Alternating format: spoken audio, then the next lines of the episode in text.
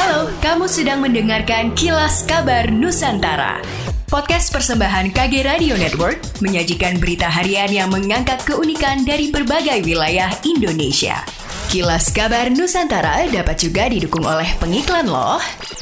Makassar telah menerapkan pemberlakuan pembatasan kegiatan masyarakat PPKM level 1. Keputusan ini tertuang dalam surat edaran nomor 443 tahun 2022. Status tersebut berlaku sejak 7 Juni sampai 4 Juli 2022. Dalam dokumen yang diterima terdapat sejumlah pelonggaran antara lain kegiatan di perkantoran yang kini diperbolehkan bekerja dengan kapasitas 100%. Ketentuan yang sama berlaku di kegiatan pada sektor esensial, industri, dan lainnya, termasuk mal, toko, swalayan, supermarket, dan pasar. Dengan pembatasan jam operasional sampai jam 10 malam. Begitu juga dengan kapasitas pengunjung bioskop kini menjadi 100% dengan melakukan screening melalui aplikasi Peduli Lindungi. Pelonggaran lainnya bagi tempat hiburan malam THM seperti usaha karaoke, klub malam, diskotik, live music, dan sejenisnya kini dibolehkan beroperasi kapasitas penuh dan sampai jam 2 dini hari. Wali Kota Dani Pomanto mengatakan dalam aturan terbaru sudah banyak pelonggaran. Harapannya tetap selaras dengan penerapan protokol kesehatan. Menurut Dani Pomanto sudah saat saatnya warga Makassar mendapat kelonggaran karena memang situasi pandemi sedang melandai. Dia meyakini aturan pembatasan akan dihapus jika pandemi sudah berubah menjadi endemi.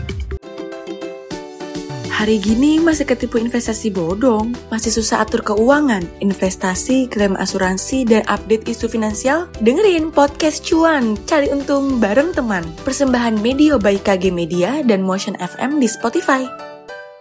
Gubernur Kofifa Indar Parawansa menyampaikan bahwa saat ini terdapat dua penyebab kenaikan harga cabai rawit di Jawa Timur. Pertama, karena curah hujan tinggi berdampak pada penurunan produksi sehingga jadwal tanam cabai mengalami kemunduran, terutama di daerah dataran rendah yang akhirnya menyebabkan berkurangnya luas tanam.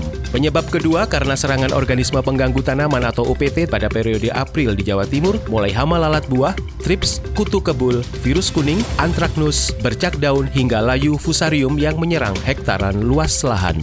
Percepatan realisasi transportasi yang lebih aman, nyaman, dan murah di Kota Palembang hingga kini terus digencarkan oleh pemerintah melalui Kementerian Perhubungan.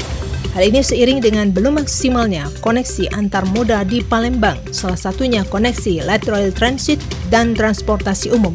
Kepala Dinas Perhubungan Sumatera Selatan Arinar S mengatakan berbagai upaya memaksimalkan peluang tersebut terus digencarkan, salah satunya melalui gerakan nasional kembali ke angkutan umum. Menurutnya, kurangnya fasilitas pendukung menyebabkan belum maksimalnya okupansi transportasi umum di Palembang. Menurut rencana, Menteri Perhubungan akan berkunjung ke Sumatera Selatan pada hari Sabtu 11 Juni 2022 mendatang, akan melaunching feeder pendukung untuk ke stasiun LRT Kemenhub memberikan 27 kendaraan yang telah lengkap dengan fasilitas kenyamanan seperti AC. Demikianlah kilas kabar Nusantara malam ini.